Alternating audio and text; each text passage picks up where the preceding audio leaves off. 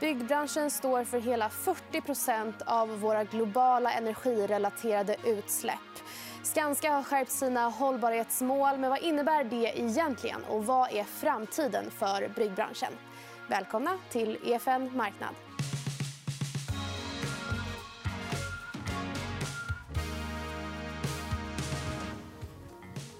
Välkomna! Här i studion med mig har jag Lena Höök eh, från Skanska och Johan Edberg från Handelsbanken.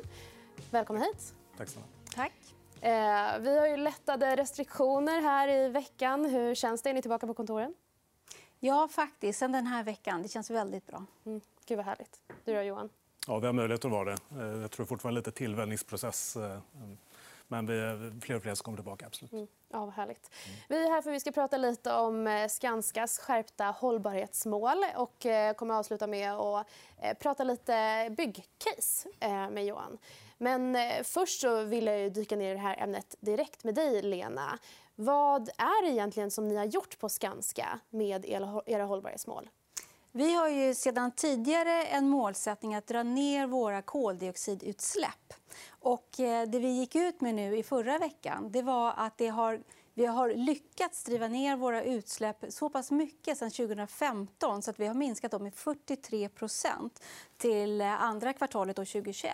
Och det innebär att vi nu skärper våra mål för 2030. Så nu ska vi dra ner dem med 70% våra egna utsläpp till 2030.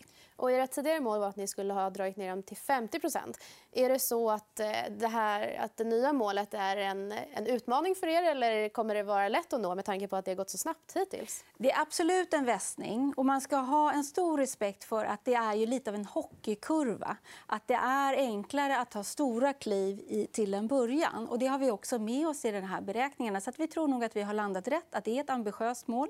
Eh, men vi tror också att vi kommer kunna nå det. Vi har tagit fram då, dels har vi gjort marknadsanalyser och planer för varje, för varje marknad och varje business unit inom Skanska för att titta på hur kan vi ta effektivisera hur vi använder material och energi. Och hur kan vi också se till att vi har ett bra business case gentemot våra kunder så att vi gör klimatsmarta lösningar också attraktiva för våra kunder. För Det ser vi att det blir mer och mer ett intresse också på kundsidan för bättre lösningar. Mm, härligt. Eh, och Johan, du är ju expert på byggbranschen. Är det här någonting som man ser på i andra byggföretag också? Eller eh, det ganska ut på något sätt? Jag har lite svårt att avgöra exakt om Skanska sticker ut. Men liksom det, här, det här är ett, ett, ett tema eh, både när vi tittar byggbolag men även när vi tittar fastighetsbolag. Egentligen alla sektorer som gör ett avtryck. Eh, det, det, det, det har liksom accelererat och gått, gått snabbare och snabbare att, att, eh, att tvingas ställa om. Inte bara för att man kanske tycker att det är en, en, en, eh, eh ska säga, en, en någonting man vill göra för att framstå i god dagar. Utan det här kommer att vara liksom essentiellt för att överleva och en del av affären. Det, det är rätt uppenbart. Och det gäller ju såklart bygg. Och det har, som du inledde med, det, det bygger en väldigt, byggindustrin och byggsektorn är liksom väldigt Eh, gör ett stort avtryck. Så det är klart att det kanske blir extra viktigt att visa, visa vägen som Skanska gör nu. Mm. Hur tänker Skanska då, i och med att byggbranschen står för just en sån stor del av våra globala energirelaterade utsläpp? Ja, men vi ser att vi är en väldigt viktig aktör i att vara med och driva en omställning. Skanska är en av de större bygg och projektutvecklingsbolagen i världen. Så för oss att ha, ta en stark ställning men också vara ledande i att finna nya lösningar, jobba i partnerskap också över olika branschgränser. För Det handlar om en omställning både vad gäller energi, vad gäller transporter, och processer och material. Så för vår del att jobba över olika branschgränser är väldigt viktigt. Eh, men ett exempel det handlar om för vår del att säkerställa att vi kan gå över till ett effektivare användning av energi, eh, till exempel bränsle men också att vi använder oss mer av förnyelsebar energi och el. Eh, då har vi tittat på hur vi i våra stenkrossar... Man behöver ju krossa sten för att kunna få sten till byggprojekt. Då har vi tittat på i stenkrossar och jobbat med Volvo, ett innovationsprojekt. Att ta fram automatiserade tunga maskiner där vi krossar stenen i då en byggtäkt. Och sedan kan vi då också ha dem på el. Genom att göra det så kan vi dra ner koldioxidutsläppen med 98% men vi drar också ner kostnaden för energi med 70 och Det här är väldigt viktigt för oss att hålla reda på och att förstå hur det miljömässiga arbetet, eller för den delen också arbetsmiljö för det här är ju också ett sätt att minska riskerna i arbetsmiljön hur det arbetet också kan gå hand i hand med en ekonomisk realitet och skapa egentligen en ökad effektivitet men också ett attraktivare erbjudande till kund. Så är det många bäckar små eller är det så att det finns en stor del av verksamheten som faktiskt drar det mesta av eh, den här, de här energirelaterade utsläppen? Det är klart, man kan inte försöka göra tusen saker samtidigt. Det är viktigt att göra det som har störst, ger störst resultat. För vår del så handlar det om en omställning vad gäller energi. Det handlar om en omställning vad gäller också bränslen. Från då fossila bränslen, antingen att vi elektrifierar, som det exemplet jag drog nu eller att för den delen också att vi minskar transporter genom effektivare transporter. Här är digitala verktyg väldigt viktigt. Det kan handla till exempel om det finns en app eh, som Volvo har tagit fram, om jag får göra en liten reklam för dem då igen. Eh, men det finns också flera, ska jag säga. Eh, där man kan titta på hur effektivt man lastar en lastbil och därmed kunna få ner eh, behovet av att eh, köra antal lastbilar. Så att på så vis kan man också effektivisera ett antal procent. Därtill kommer också materialen och utvecklingen av materialen effektivare användning av materialen men också utveckla material med ett lägre koldioxidavtryck. Framförallt för vår del är det cement, betong, stål och asfalt. Mm. Och därtill slutligen så handlar det om energieffektiviteten i byggnaderna. Så att öka energieffektiviteten och till och med bygga energiplushus är viktigt. Och du nämnde det här med material och du har tidigare sagt att det här, de här stora utsläppen härstammar just från produktion. Mm. Eh, vi har faktiskt med oss en, en Twitterfråga här eh, från Don Juan. Och han frågar... Eh, det verkar vara mycket större byggen i trä på gång. Är det verkligen bättre eh, än stål och betong och kommer skogen räcka om allt ska byggas i trä? Eller vad använder ni istället för betong och stål? Och en mycket klok fråga. måste jag säga först och främst. Det finns tyvärr inte en enda lösning. Vi kommer nog se mycket hybridlösningar. Även ett trähus har ju oftast också någon form av eh, grund som är betong. Mm. Eh, så det kommer nog, vi kommer nog prata mer kanske också om olika hybridlösningar och hur man använder olika material. Både hur man använder dem effektivare, hur man använder olika former av material. Redan idag har vi tagit fram en betong som har 50% lägre koldioxidavtryck än vanlig betong. Att fort och vi fortsätter att göra innovationer och driva den utvecklingen. Men därtill också så kan man ju se hur långt kan man gå. För vår del, vi har tagit fram en asfalt som är nära noll i koldioxidutsläpp. Och, och för min del så är det helt fantastiskt. För att asfalt är ju något som annars har ganska mycket koldioxidutsläpp och också något som tyvärr, vi behöver ju vägar. Och det som ni jobbar med i alla de här olika typer av förbättringar det måste ju ta väldigt mycket eh, på era muskler i forskning och utveckling. Och liksom, är det värt i slutändan att faktiskt lägga så mycket pengar som ni gör? Eller hur påverkar det den ekonomiska ställningen i bolaget? Ja, om man tittar då på våra egna, våra egna siffror tycker jag talar sitt tydliga språk. Vi har ju lyckats öka vår lönsamhet samtidigt som vi ganska kraftfullt har dragit ner våra koldioxidutsläpp. Därtill måste man också titta på vi, när vi har vår egen projektutveckling, det vill säga när vi själva projektutvecklar.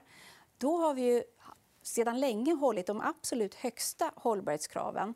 Här har ju vi 98% av våra egna kommersiella fastigheter har de högsta nivåerna av hållbarhetscertifieringar eh, i både USA och Europa. Och vad, vad, vi har där är ju att vi bevisar för, för marknaden i när vi själva kan bestämma höga hållbarhetskrav och också väldigt god lönsamhet. För Det här är också en attraktiv möjlighet för till exempel långsiktiga pensionssparare och förvaltare att investera i fastigheter som man vet är energieffektiva som kommer vara attraktiva också för kommande lagstiftningar. För Det är inte en kortsiktig affär vi är inne i. Mm. Det vi bygger här och nu, idag det kommer ju finnas där förhoppningsvis 50 och 100 år framåt. Just det.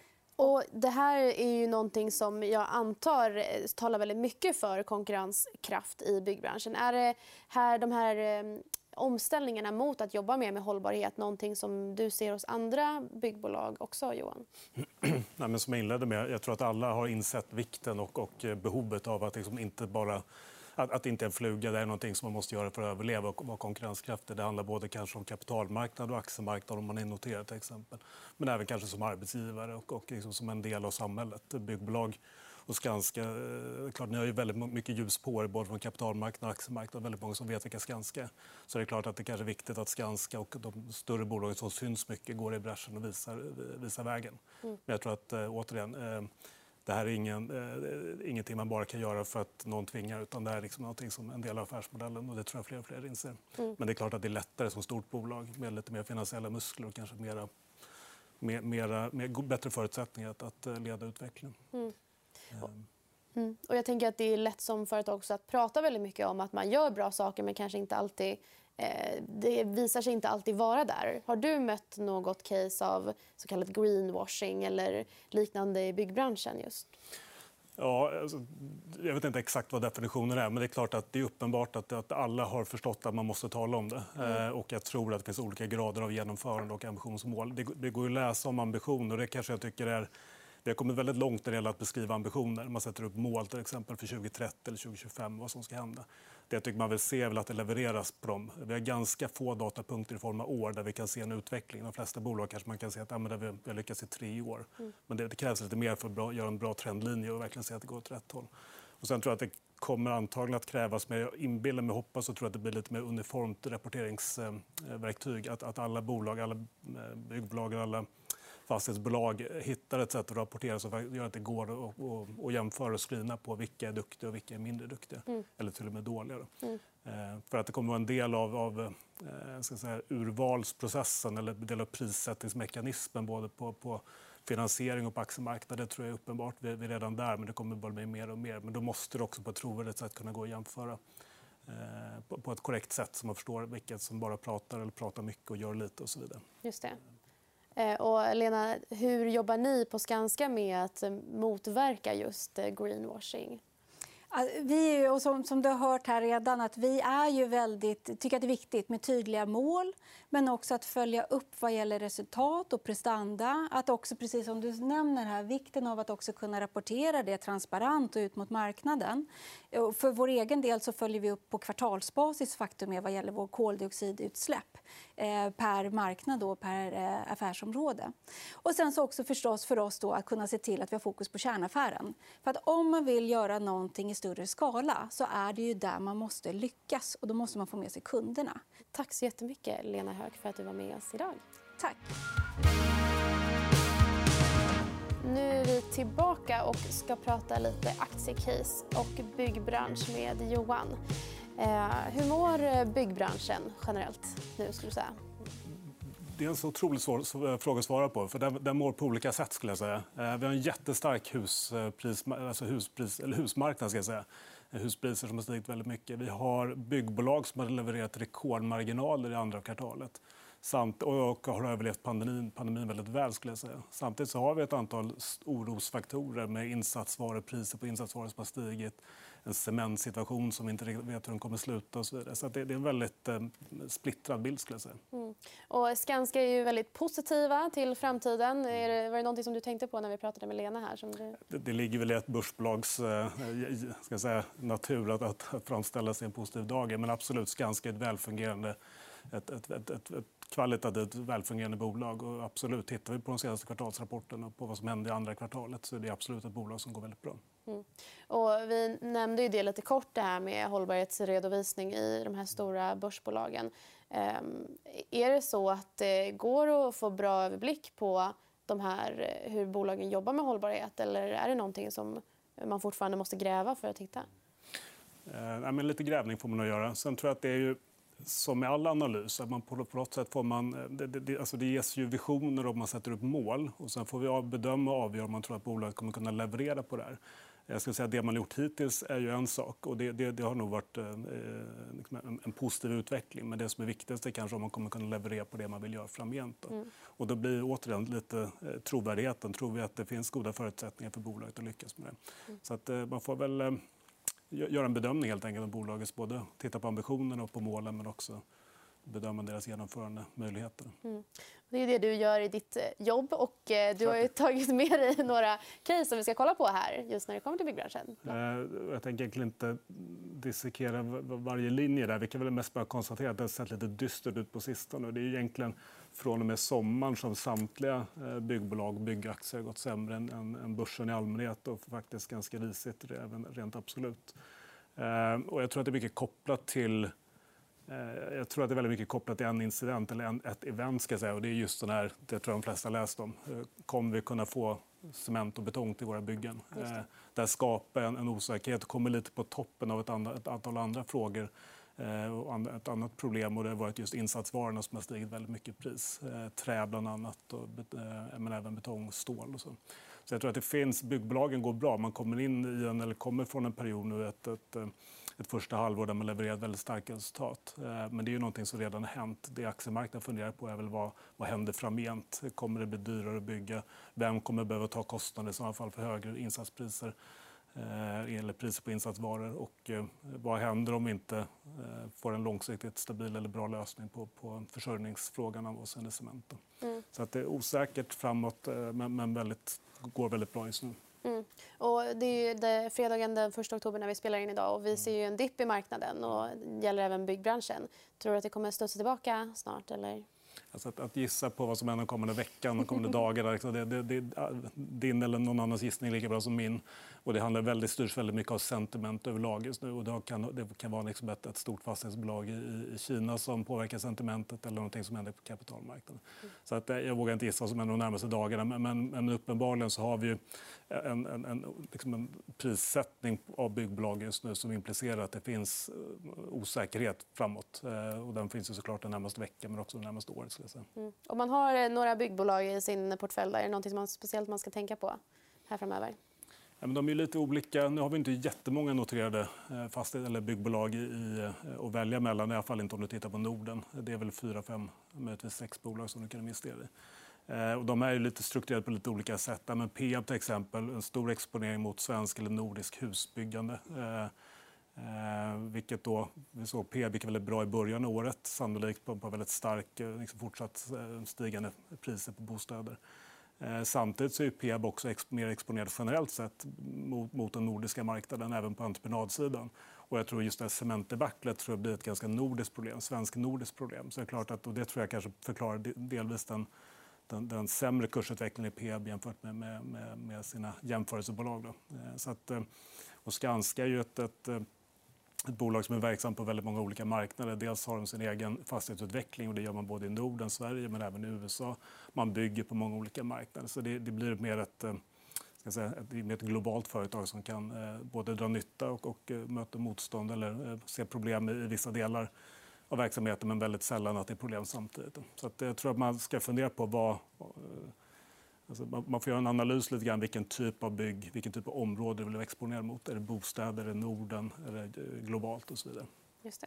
Och du hade med dig en graf här eh, där vi också kollar på P talen för några av de största bolagen. Vill du berätta vad vi ser här? Ja, det, det, är, inte, det är inte mer komplicerat än att det är det just enklaste nyckeltalet vi har, P tal. Problemet med att kolla med EV ebit är att väl, då måste man ha en förståelse för hur man hanterar just Eh, Eh, skulden och vad som ligger i ett enterprise value. Eh, det här är, kollar man på P tal så blir det kanske lite, lite väl förenklat men vi kan konstatera att, att eh, NCC som faktiskt är den enda aktien som vi har köpt på i dagsläget handlas till under tio gånger. Och man kan generellt sett säga att det är en väldigt låg värderingsbild i byggsektorn just nu.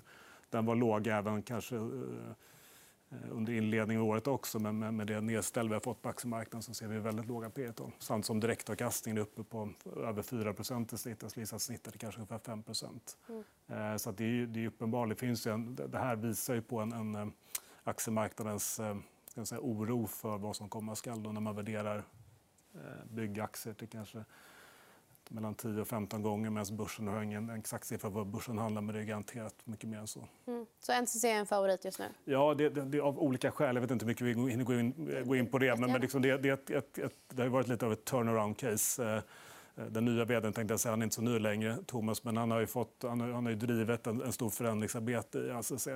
kommer från en, en, en historik av, av, låga marginaler, också en ganska svag balansräkning. Jag tycker man kan se nu på sistone Q1, Q2 att, att marginaler är på väg åt rätt håll men också att balansräkningen börjar stärkas. Man har sålt ett antal projekt som man har utvecklat själva. Eh, så att, så att eh, vi bytte fot och blev lite positiva, eller blev positiva ska jag säga, innan sommaren. Nu har ju tyvärr NCC precis som de andra aktierna eh, ska säga, lidit, lidit av det här sentimentet runt, just runt de problem som vi var inne på. Mm. Men det, det, aktien, eller förlåt, värderingen i kombination med direktavkastning och att det tror jag finns ett positivt momentum liksom i, i, i bolaget är väl det som gör oss positiva. Mm. Härligt. Ja, vi avslutar där och okay. säger tack så jättemycket till dig Johan Edberg för att du kom hit idag. Tack. Och det var allt vi hade i dagens EFN Marknad men vi är som vanligt tillbaka nästa fredag och då pratar ARA råvaror. Det får ni inte missa. Ha det så bra.